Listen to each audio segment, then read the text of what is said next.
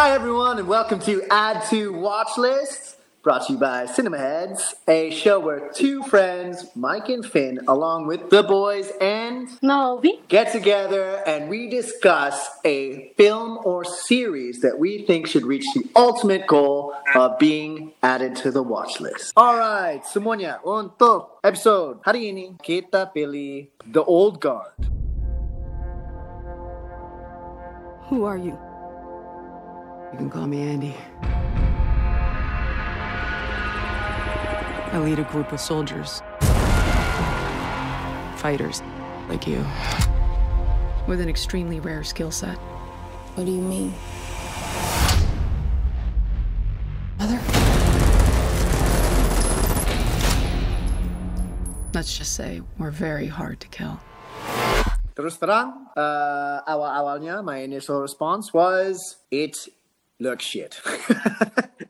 Nice Oh, way to set it up. Mike. So, another confession I have to make was aku sebenarnya udah udah pernah nonton like setengahnya. I was just like, karena teman-teman teman-teman aku lagi lagi nonton and I was kind of paying attention but not but what I've what I saw of it was like was just like I thought that I didn't like it. Now, pas kita jadi review I had to really pay attention. And I have to say, my opinion is somewhat changed.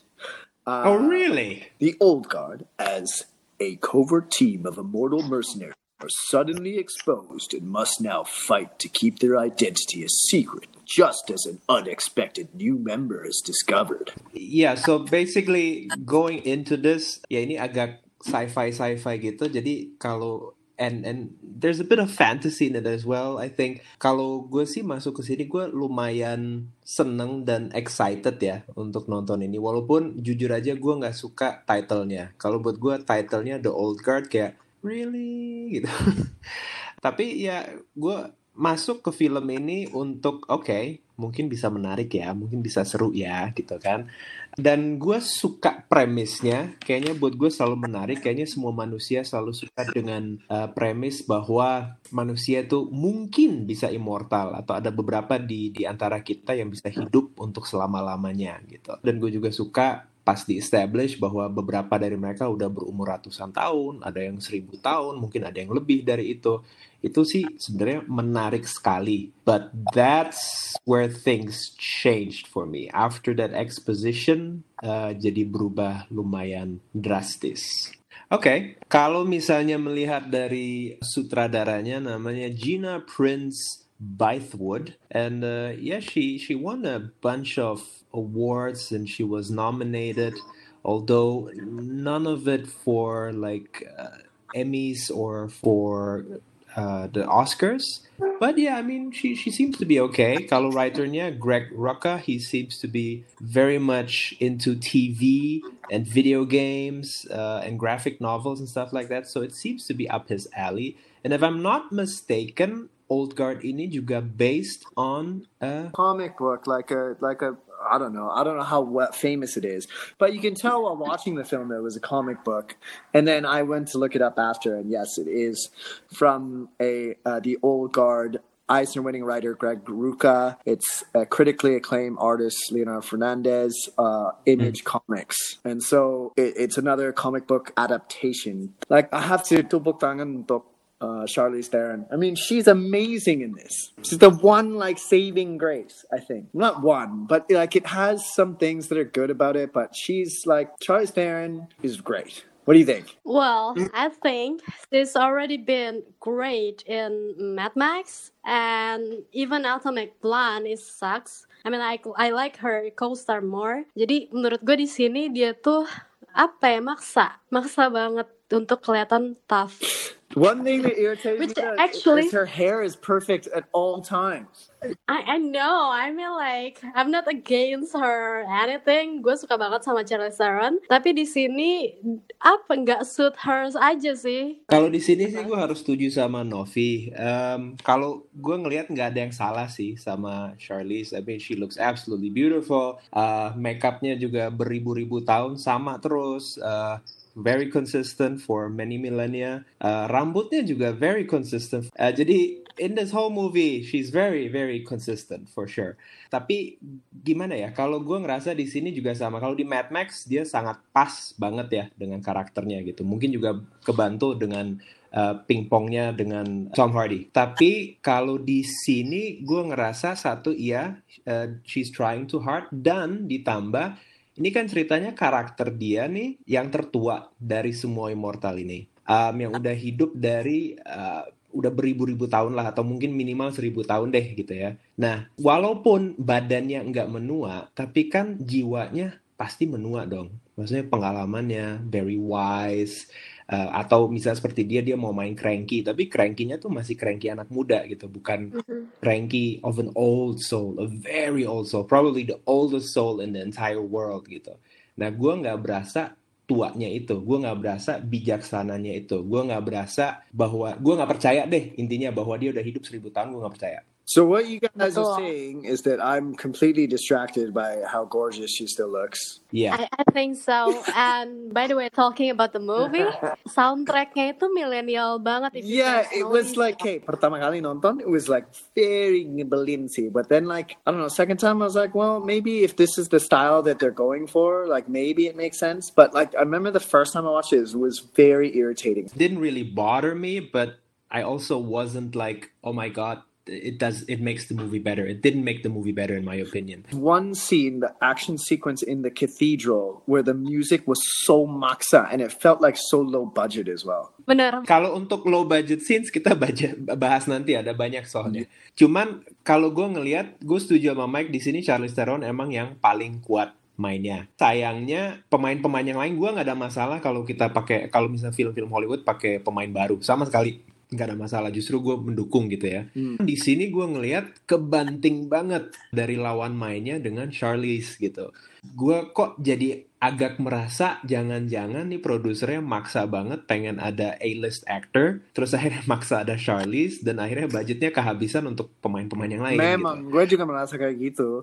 dan gue juga merasa kayak Liz Chiwetel uh, Chiwetel Ejiofor. I don't know if I'm saying that. An amazing actor. And I was like, what is he doing in this movie? Ini karakternya dia, dia juga, it just felt like so Maxa as well, right? Like the whole storyline yeah. with his wife dying, and at the end, all of a sudden, when he turns, he's like, look at all the good stuff she did. And then he's like, but I wanted to give a gift to the world. It was like so It's just so lame. Kayaknya Netflix mau settingan semuanya untuk jadi di like a trilogy or you know Mm-mm. ini jadi like the next big uh, movie series, right? Like Arifin can notice as well, there's so many things where the budget was missed for. Like some of the shots that they took and the directing as well. Ingat nggak waktu dia ambil handphone dari orang yang mau selfie gitu karena dia mm-hmm. di belakang? That was like such a forced way to shoot that shot. Like such a B grade movie style of shooting that shot. Biar murah, biar cepat.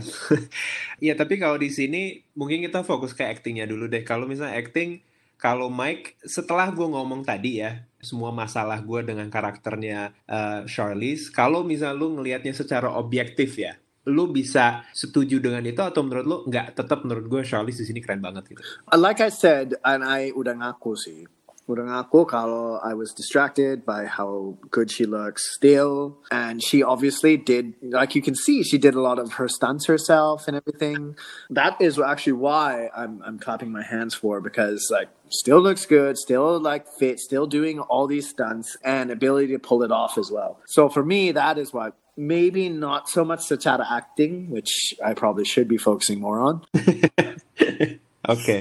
nah I, I I get your point. Tapi kalau sekali lagi kalau misalnya ini nanti kita juga bisa bahas soal uh, story holes gitu ya. Tapi ada ada beberapa hal dari karakter dia yang kayak nggak match gitu. It, it doesn't make sense, especially if you set up that she is one of the oldest and wisest and best warriors in the whole wide world. Itu ke belakangnya nanti when, once we discuss the story itu juga ada beberapa holes sih di situ, hmm. which don't help her character in any which way. Yeah. Kalau buat gue justru karakter yang menarik sebenarnya the Booker character actually that one if if that was I'm sorry to the actor who played Booker but if that one was played by someone else that would have really become a really cool character actually like a really interesting character for sure. Poor Matthias Schoenaerts. Poor dude. Ah, uh, you just looked up his name, didn't you? Name's available. Arifin. Yes. What? This is a piece of shit movie. Holy. Holy hell! Whoa. Hans, calm down. There's many many characters like what you said, uh, Arifin. Kalau misalnya musuhnya yang CEO dari Ah. Uh, it's just like what? Like, are you kidding me? Who casted this guy? He he he looks like you know the those Doctor Who rejects. Hmm. Kalau misalnya yang the, the character that you mean, his name is Merrick, the owner of the Merrick Corporation. yeah. di, diperankan oleh Harry Melling. I'm sorry Harry, tapi di sini that very cartoonish portrayal, the the very apa ya, very stereotypical portrayal of the of the bad pharma guy itu it just didn't work It's it's like for- so many so much of this was and this is my issue with Netflix. Like I keep waiting for them to have a movie that I can say is like this Netflix movie is really good. The only one I can think of so far is like maybe Bird Box. Mm. This one obviously had a budget and they like they could have made something great, but they make their actors like TV actors. That was such like a like a Warner Brothers like uh, you know like from Flash series or like Supergirl or something villain. Iya karena maksudnya ini kan seperti lo udah bilang Mike, ini kan berdasarkan sebuah kartun, kartun, komik, or graphic novel kan. Mungkin di situ the guy he wanted to play the cartoonish character. Okay, maybe that could work if everyone was on the same page. Hmm. Masalahnya adalah pemain-pemain yang lain, karakter-karakter yang lain, they were not on that page. They were trying to play more natural. Yeah. Um, kalau misalnya kita fokus ke The Immortals gitu ya, Nikki and Joe, the immortal pair, uh, the soulmates, uh, and Booker, the second in command, uh, Andy, Charlize Theron, and uh, Niall, the new kid on the block. Kalau buat gua from the actual original old guard, ya lumayan menarik ya cuman si Charlize Theron sama yang jadi Booker itu. Kalau yang the couple, I don't know. For me, the soulmate love between them didn't work. Saat mereka ada adegan ingin mengungkapkan cintanya dengan puitis, sok-sok orang tua, jiwa tua, it didn't work at all. Ini something could be very controversial, but I wanna point it out. The inclusion in this movie, what do you guys think? Karena gue merasa kayak movie ini very diverse in terms of casting kan, uh, nggak just normal white people or or Hollywood actors kan, but they have like very diverse and they have gay couple, they have apa lagi, they have the queen woman, Asian woman, but it all felt very sh- you know kayak maksa gitu loh. Kayak, it reminded me of Lovebirds. You put these two together, but I don't feel the diversity gitu loh. I I can see the diversity, but I don't feel it. Ya, Is that part of the new normal now? That every movie has to be like this? Um, I guess so, karena kalau misalnya sekarang kita mikir Netflix, Netflix kan based on algorithm, jadi pasti juga ya mereka mau include as many parts of the audience, apalagi all the movies they go global, right? Bahwa harus ada unsur LGB LGBTQ, harus ada unsur etnisitas, and then you have the A-list Hollywood actor. Nah, tapi kalau misalnya kalau buat lu juga the chemistry between that soulmate couple, did it work for you, Mike? the chemistry was it added a a sense of humor at least they were good at that but the chemistry between the couple per se was was like Han says it was like maksasi. Iya, lebay banget It was sih. maksa just to show like yes we are we are proud to have these in our in our in our movie and we have no issue with it and this is the way it is right? But having said that it looks like in the comics that was the, it was is the way it was as well. So it wasn't just the movie. Oke, iya maksudnya makanya kalau berdasarkan komik sih nggak ada masalah, cuman they just didn't pull it off at all. Dan juga dari all of these immortals, kalau Nile nggak nggak bisa dinilai karena emang dia kan ceritanya baru ya. Tapi kalau yang lain-lain menurut gua gue sama sekali nggak berasa tuanya itu. Gue nggak berasa jiwa tuanya bahwa mereka udah bosen dengan hidup bahwa mereka ibaratnya it would be cool kalau sebelum mereka ditembak justru ada kayak excitement dikit gitu kan. Kayak that little moment of okay is this the last time I'm on this planet? Gitu kan like that little rush gitu kan but nothing zero um, they're just like zombies. They get shot and then they come back to life. Kayak nggak ada, ya those little subtleties nggak ada sama sekali gitu. Kayak yang membuat kita jadi penasaran, yang membuat kita yang, hah apa nih ih seru nih gitu ya Yeah, plain Jane immortals that you could be watching because there's nothing, no aspect to them that makes it cool, right? iya nggak ada yang kurang kurang Deadpool nih filmnya kurang Deadpool I, I, gua nggak apa-apa kurang Deadpoolness-nya. Gua dari tadi expect to make how how can I make this movie interesting kan? Gue tuh berharap kayak one of these old guard kayak betray the other old guard kayak jadi you could see this between these two immortals fight each other gitu kan and stuff. But it doesn't happen gitu. It Atau will yang happen actually. It will happen in the sequels. with the queen kind of itu They made it in the the ending like Brooker uh, meeting Queen Yeah. for another sequel. oh Spoiler. Tapi yang gue maksud itu adalah give me something gitu. It's just just a very bland first movie. Gua gua nggak terima excuse kayak this is just the first movie kan. What if this movie tank and we we didn't get to see another one Exactly. gitu kan? I wanna have a complete first movie gitu. So I was having apa kayak like like Arifin bilang tadi betul kayak what if they wanna die kayak deep down they wanna die kan like Logan. Logan kan if you remember Logan kan exactly the same premise dia juga nggak bisa mati but he can age gitu. Kalau ini kan literally udah nggak bisa mati nggak bisa age. So where's the point, where's the conflict gitu kan. But nothing gitu, give me nothing gitu. Alright. Gue juga merasa kayak sayang banget konsep paling menarik dalam film ini sebenarnya mereka settingan untuk film kedua. Nah itu yang cewek Queen. Yeah, Quinn. And the way that she was stuck in the ocean and she's just drowning for hundreds of years. It Terrible. was like so cool and freaky and horrorish at the same time, the way that it was visualized too. Setuju, setuju. Kalau itu menurut gue itu berhasil Ya. ya. The introduction of Queen dan juga the torture that she has to go through, that eternal torture, Mhm. itu menarik sih. Dan itu pas pas gue ngelihat visualisasinya juga buat gue, ih itu itu agak merinding dikit sih. Ya. Yang, Wow, okay, happened to me, that would be horrible. That would just be the worst Yep. actually. Jadi kalau cerita itu sih gue suka. Cuman ya pada dasarnya mungkin kecuali Queen ya, tapi yang lain-lain tuh story arc-nya agak nggak jelas arahnya ke mana, mau ngapain, tujuannya apa itu semuanya nggak jelas sih. Dan juga misalnya khususnya sih, menurut gue karakter yang sangat kunci di sini yaitu karakter Copley yang diperankan oleh si Chiwetel Ejiofor. I'm sorry to all the fans out there. I'm very sorry for misspelling his name. Tapi menurut gue story arc-nya dia sih yang paling aneh. Padahal dia termasuk salah satu karakter yang paling kunci di cerita ini gitu ya. Mm-mm. Itu yang paling terbaik. Iya, di sini underused banget dan juga twistnya dia atau turn of his character gitu sama sekali nggak masuk akal sih. I mean, if you wanna watch it, ya harus nonton tapi harus nonton bagian itu. I will not spoil it for you. Tapi pada dasarnya turnnya itu sama sekali nggak masuk akal and it's very anticlimactic banget sih. Kalian paham gak sih kayak at one scene temennya si Andy sendiri itu memang ada yang kayak it's the time, it's the time, like it's impossible. Dia sendiri pun nggak tahu cara dia mati. Itu confusing sih menurut But gue. generally mereka tuh nggak bisa mati kan. I, I, I was like half ass watching this movie, but generally mereka nggak bisa mati kan. What Oh. kind of producers do we have? Yeah, I don't know. It's like you know, like look at it. Have you have to be objective about this? Especially like when you I'm- haven't even seen the whole thing.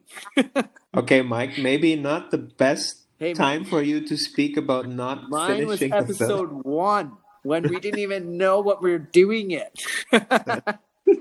He's like Superman but more boring gitu loh. Ya kalau misalnya untuk karakter sih kayaknya premis di sini untuk universe immortalnya ini ya bahwa eh, mereka cell regenerationnya tuh sangat cepat sekali gitu.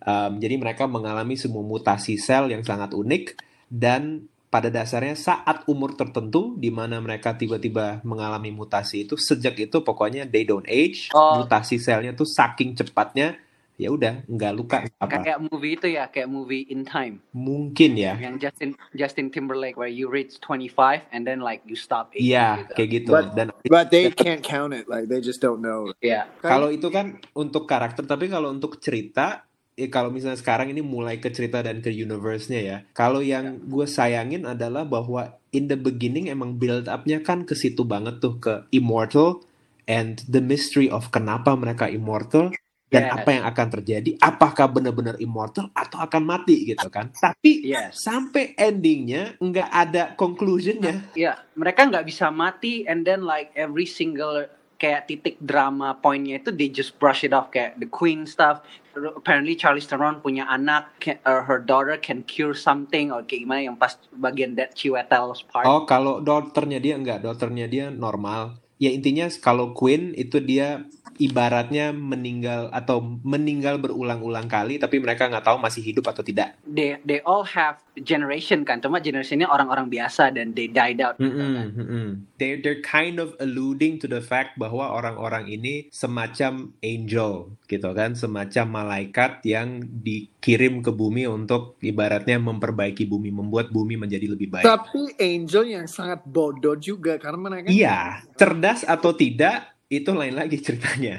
Tapi intinya karena pas mereka memperkenalkan karakter Nile itu kan juga dia kayaknya emang inherently pengen membantu orang, emang Ya. ingin melindungi orang di sekitar dia gitu. Ya. Dan gua rasa bahwa si Old Guard itu sebelumnya juga seperti itu. Cuman dengan berjalannya waktu mereka they become very indifferent. They forgot why they have been put on this planet gitu kan. But Olgard ini kan sebenarnya a title that they carry because yes I'm immortal tapi gua gua mau jadi baik gitu kan. That's why they got the name Olgard gitu kan and stuff.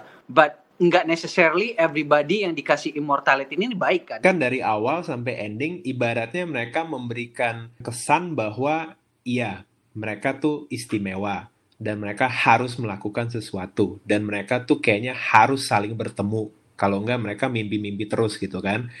Itu itu yang gue paling kayak hah kenapa sih harus Kayak, tapi dimimpiin but in that nature nggak make sense karena Queen apparently on the twist and the after credits dia hidup Iya. kan. Dia jauh tapi tidak pernah bermimpi-mimpi. Betul. So they kind of forget their own itu akan rules. terjawab di film kedua There's so many things that they were just lazy writing on and lazy production on. So like it's just if there's a Kadua, I just feel sad for Netflix audience because they are just treated like a couple of dum dums. Iya, karena maksudnya di sini kan berapa kali tuh si Nile kan emang sengaja di set up bahwa dia religius gitu kan. She has the chain and and the cross and everything. Dan juga di pesawat itu Andy sama si Nile sempet ngobrol tentang ada Tuhan atau tidak ada Tuhan. Dan si Andy sempet bilang, ya gue dulu pernah kok didewa-dewain gitu kan. Gue dulu pernah dianggap dewa kok gitu. So it it comes and goes. So I mean if you want to believe in it great, if not ya udah. Tapi kayaknya planting information bahwa maybe there's a greater power at play. Tapi sampai ending tuh sama sekali nggak ada payoff gitu loh. But I don't wanna maybe. Gue mau tahu kan. Ya, ya, that's the thing gitu. Gue tuh actually lebih interested in her flashback gitu. Gue actually prefer Olgar ini In the past, settingannya ya kan? di- Yeah. Yeah. In the art department, the past was just like, really? Like all their clothes look so clean. it's just like, dude, like what? kalau kalau untuk kalau bentar gue I I want to touch on Hans's point. Um, itu kan si si karakter Copley he had that board right that uh, mind map board gitu. Itu menurut gue jauh lebih menarik bahwa there's a big bad pharma and they wanna use you and they wanna make a miracle drug. Uh, scary. Yeah. Tapi kalau menurut gue kalau misalnya ada yang dia bilang bahwa dia membantu uh, penemu dari obat polio kalau nggak salah atau misalnya dia uh, membuat um, I think basically they were trying to say bahwa si Andy dia uh, menggagalkan the Cuban Missile Crisis atau atomic bomb or whatever it is. Nah itu menurut gue jauh lebih menarik daripada the story that we got here gitu loh. Yeah. And also who use who still uses board gitu loh. Di that 2020 you can just laptop, iPad, screen, Hologram. stuff, holograms and shit. Iya kalau menurut gue sih sayang banget. Nah kalau soal flashback, gue setuju banget sama lo Mike. Satu, lo perhatiin nggak make upnya continuity. Yep. Dari present time sama 1000 years ago itu sama persis dari hair, hairstylenya agak ketutupan ya, tapi make upnya sama persis, mukanya persis, bersihnya juga persis. Dan itu juga eh, flashbacknya ketahuan banget, itu males. Kenapa? Karena close up semua, pakai flare-flare dikit, dan juga pemain yang yang ceritanya itu penting banget buat buat Andy itu cuma kelihatan sekilas sekilas aja, and you don't hear him talk at all. So I don't know, itu flashback itu kalau nggak ada pun nggak apa-apa sebenarnya gitu loh. You know the best part, the best thing about this film itu apa nggak? Apa? The closing credit. But know, 'Cause- Oh 'cause iya iya the animation. It's actually very visual and stuff. Like I know what happening gitu. Okay, I wish ini tuh di depan gitu. I really wish itu ini di depan. But I kinda glad it's in the end because I know the movie ending juga. so painful. See, Aduh. now, you- now you know why my initial reaction was like that, Hans. But actually, Yes. you know, when you force me to watch it for a second time, visually, i- it can be satisfying. Uh, uh, but like, honestly, some of the some of the stunts are so labai as well. Like they just so un, the unnecessary flips that they do after they've killed someone is just it's very weird. this is clearly not an A movie gitu ya. All of you probably have some B movies that you really like. Bahwa you know it's a B movie, you know budgetnya kecil, tapi lu tetap bisa enjoy gitu because they just own it gitu kan. Dead Mind. Oh yes, Oh, your movie. Dead Mind, they own it. Classic. Is that a B movie? I believe so. Yeah. No, it's an A movie, man. In my eyes, A movie. Oh, it's an A movie. Hi, Mike Williwan.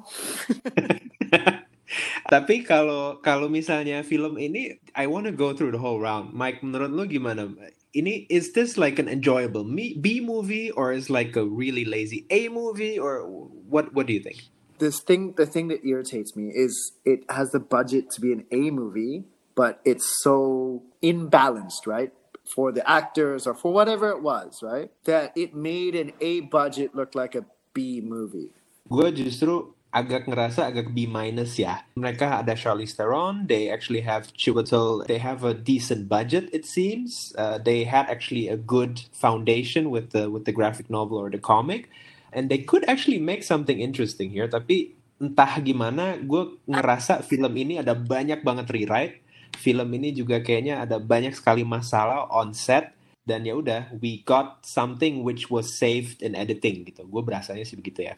Kalau gua bilang sih in, ini is a very Netflix movie sih, which is everything gak ada gak ada harus ikutin standarnya mereka and stuff, all just their algorithm and stuff, which is it just takes away the joy of filmmaking sih, and and udah nggak ada heartnya sama sekali. Like you you said directed by Gina Prince Bythewood ini juga I don't feel like the any any of her style atau apa gitu. It's just like anybody could direct this, like Netflix could even direct this. Hmm. Yes, setuju. Nah kalau karirnya Charlize Theron, lu kenapa? Karena gue gue selalu eh, maksudnya gimana? Gue fascinated aja sama Charlize Theron karena she keeps trying to play this kind of role gitu loh. Kayak I, I remember her from Aeon Flux sih. Oh iya, Aeon Flux. Ya ya ya ya. Flux kan dia mulai in this kind of role and then she play apalagi she plays uh, but after Mad Max Fury Road itu kayaknya dia after play Furiosa itu kayak he she just tell her agent like give me all of this kind of superhuman role gitu kayak kalau for me tuh as some kind of payback karena Marvel nggak mau hire dia atau something gitu. Wow, that's really Marvel dalam like, banget, man. It's like that is a really, really intense uh, conspiracy theory. Like I was well, this is her this is her filmography. I'm gonna I'm gonna give it to you, okay? So Charlize Theron tuh either play a very over the top villain at the over the top heroes. But I think Yeah. that's just because, okay, physically, Charlize Theron is a quite like she towers over other girls. She's a physical presence who uh, just happens to be quite attractive as well. And who's to say that she just doesn't like shooting action movies? Possible. Dan muka dia juga cukup emang cukup tajam sih. So I mean, it has very strong features gitu. She's South African, dominant. Yes. Um, Hey. I don't know. I don't know. I just But she keeps trying to play in this kind of role, tapi sayangnya mungkin the project itu nggak pernah ada yang betul gitu. And I know she's very committed kan in those role. Kayak you could see, I, I think the Fury role itu as as far as she can go gitu. Ya tapi Uh, as Furiosa, she was great. yeah, she was she was very great gitu kan as Furiosa. You could see you could see the commitment gitu. It's just the projects that she committed with itu agak always kind of a bit questionable. Gitu. just like because of Atomic Alien Flux, I actually thought about that when I watched this movie, which is what I said when I saw Chiwetel and I saw Charlize. I was like, okay, it makes sense for Charlize to want to try and do something that like this, but for him, he. I don't think Oh. he's ever picked like a type of movie like this. Well, Chiwetel played in 20, 2012, so I, I don't know whether his Oh, he did. Yes. Okay, I take it Yeah. back then. Okay, for Charlize's part in this movie, I actually uh, you missed this Hans because you came in late, but Yep. um, I actually enjoyed her fight scenes. Charlize Theron's fight scenes, they, they she did a really good job, and you can tell that a lot of them weren't stunt doubles. Yes. So Mm. that's that's what I was, you know, salute ke dia to because I don't know how old she how old is she like 40, 50, 40, 50? Yeah, I think 40-ish. But Yeah. yeah, I mean like gua maksud gua maksudnya itu gua nggak complain she's trying to play this role, but I think Hollywood just need to give her like a, another Fu- uh, Furiosa role sih. Iya kalau as Furiosa she was great di Prometheus gue juga suka kalau yang yang Ah, agak iya. lebih uh, tough chick gitu ya. Kalau Aeon Flux actually the movie itself I didn't enjoy tapi her performance in Aeon Flux I enjoyed for sure. Yeah, so I think she definitely I, I do agree to a certain extent with Hans that she just likes to play badass characters, I guess. And um, maybe she saw this and then she saw the comics and she's like, okay, we can make something happen here. She's also quite her rangy as well. I mean, she had the best comedy of 2019, I think. The Long Shot is so good. Yeah, and she played North Country and Monster. Um, Yeah. where- yeah. She's so, I quite mean- rangy. Like I wouldn't just say that she's trying to be a dominant. Actually, very good at young adult too. I, I quite like her at young adult. Yeah, and she has like she's had cameos on the Orville and like uh, uh, Arrested Development, which were hilarious. yeah, no, I completely agree with you. So, I mean, here she just thought that this was an interesting project, uh, but I think many, many things went wrong during the production. Apa pun itu ya, kita nggak tahu. Dan kayaknya ceritanya tuh, rewrite-nya tuh banyak banget. And then they just wanted to get it done. Nah, kalau untuk fight scenes, I have to agree with Mike. Actually, fight scene-nya tuh dia keren-keren. Cuman, fight scene yang pertama tuh, yang the first one, yang mereka kejebak. I think I'm gonna get some slack for this ya. Tapi buat gua, it just felt too choreographed. Oh yeah, agreed. Ada yang berasa nggak? Agreed. No, and then some of the shots as well, like the the like when the guy wipes the his sword on the guy's pants, that was like so like 1990s Arnold Schwarzenegger style shot. Iya, kayak I, I don't know, kayak maksudnya khususnya pas mereka di jebakan itu ya, in, the, in that pill box gitu, atau in that kill zone, sorry, in that kill kill box, kill zone. Kalau pas mereka berantem di situ, gue ngerti bahwa mereka mau establish orang-orang ini udah kerjasama untuk seribu tahun. Oke, ngerti. Yeah. Tapi justru kan sekali lagi orang-orang kayak gitu lama-lama jadi bosen kan, so they improvise and they know they cannot die. Jadi kayak nggak ada itunya loh bahwa they're playing around with their prey, they're playing around with these people karena they know exactly they will be able to beat them gitu kan. Yeah. Um, Yeah, dan gue but- berasa bahwa mereka tuh masih fighting as if you know they're fighting for their lives gitu. Yeah, Padahal when when they saw the soldier, they were like, "Oh shit." Iya, um, dan kayak maksud gue kok nggak ada kayak ada yang something went wrong misalnya, and then they had to improvise. Dan menurut gue improvisasi itu justru bakal keren karena we know that they are like these awesome warriors, and then how they improvise. That would actually be much more interesting than seeing them fight off people completely, perfectly choreographed and knowing exactly how to do it and how to coordinate with each other. Kayak kelihatannya terlalu clean aja gitu. I agree with you. The fight choreography in the first action scene was too like cheeky. It was like too like yeah, too forced and like too uh, like ballet, right? Yeah, exactly. The second part point is though, I think they covered the fact that they actually are fighting for their lives because they know what could happen if they got captured. Hmm. Oh yeah, capture. We have to talk about the capture. Karena ngomongin capture, when the couple gets captured, buat buat gue aneh banget setelah mereka ungkapin cintanya dengan gaya FTV itu, um, dan mereka sampai di private jet, they are completely diikat, tapi they get out of the truck dan semua um, semua pengawal mereka mati kan? Yep. If they are able to kill all the pengawal di mobil itu, kenapa mereka tetap masih naik private jet? I don't get it. Why? Yeah, that's it. There's, that's why I've seen so many lazy things happen in this like this show. Like they just killed a bunch of your own people, and you're just like, hey, would you guys like to come on our plane? Iya dan juga naik plane-nya tuh kayak, oh they have a minibar, or they have this, or they have they have a TV. Kayak heh dan kalau misalnya emang itu set up bahwa oh emang mereka sengaja mau ke sana gitu kan biar mereka tahu em, tempatnya di mana supaya mereka bisa apa sabotase dari dalam. Tapi ternyata tidak. Pas udah on the operating table ya udah mereka cuma oh what do we do now? Like that's like a bit of comedy that they put into it. And it established the fact that like if they wanted to kill you they could. And but we'll just go with you because you're not pissing us off like these guys were What do you guys think about the baklava scene? ya itu itu eh, what do they want to establish there Ya, I don't know. Gue juga bingung kayak. gue bingung itu itu gue tahu itu pasti planting tapi planting buat apa gitu nah tapi baklava itu menurut lo Mike itu ingin memplanting informasi apa sih gue merasa kayak itu sesuatu yang mereka ambil dari komik kayak itu itu ciri khasnya karakternya si si Charlize so I think that's like a fans thing. Baiklah. Em, kalau kita udah- kita udah ngomongin old guard nah kalau misalnya new guardnya si Nile eh, any thoughts on Nile hairstyle maybe? Hairstyle? I've I've got nothing for her. I mean, like she's alright. I wish she was in Lovebirds. oh my god. Wow wow. Wow.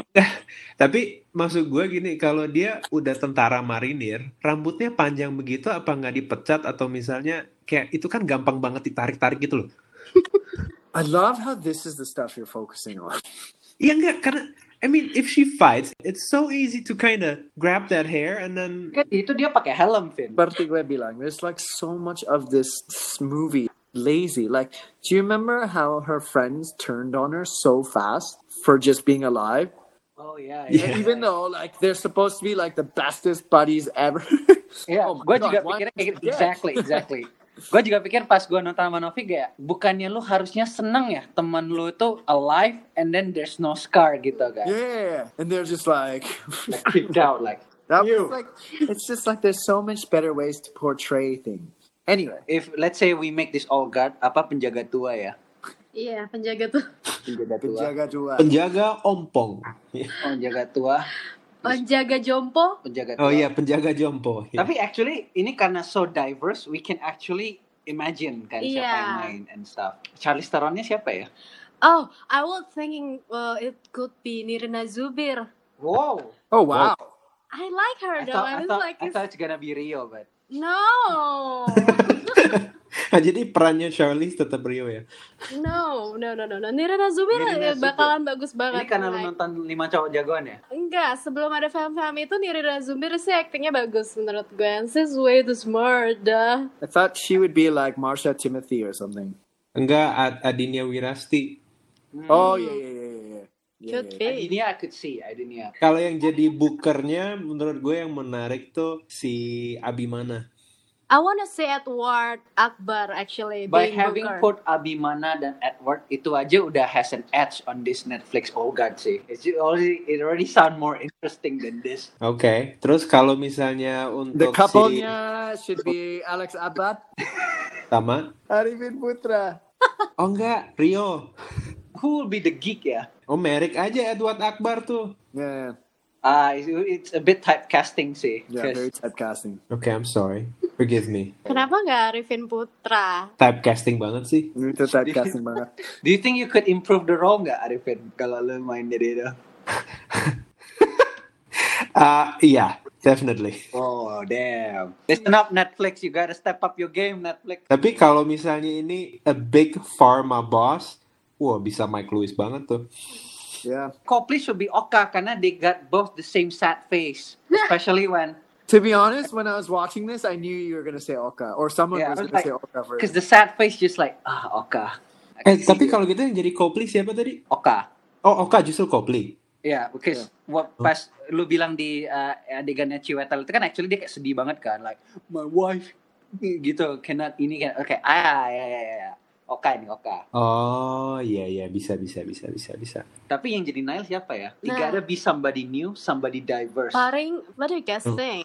This is Siapa ya? hard. Not Julie, right? No no no no Julie. no. Itu will, will be either dia yang jadi Charlize Theron kan, Bisa Aureli atau Kelly mungkin? eh Kelly Tandiono. Iya. You think Kelly so? jadi Queen. Kelly cocoknya jadi Queen. Ah lu typecasting lu. Kelly jadi Queen. Ah, sih?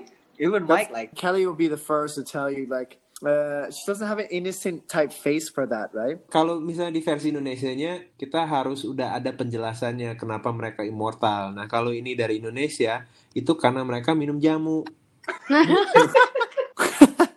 Terus mereka setahun sekali harus ke Gunung Kawi gitu. Ini kalian mau bikin apa sih penjaga jompo apa Susana yang baru sih? Nggak biar ada penjelasannya gitu loh.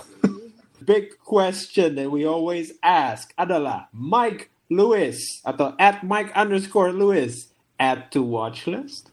Add to watch list. I was gonna say ladies first. No, Enggak. Tapi kalau versi Indonesianya maybe yes.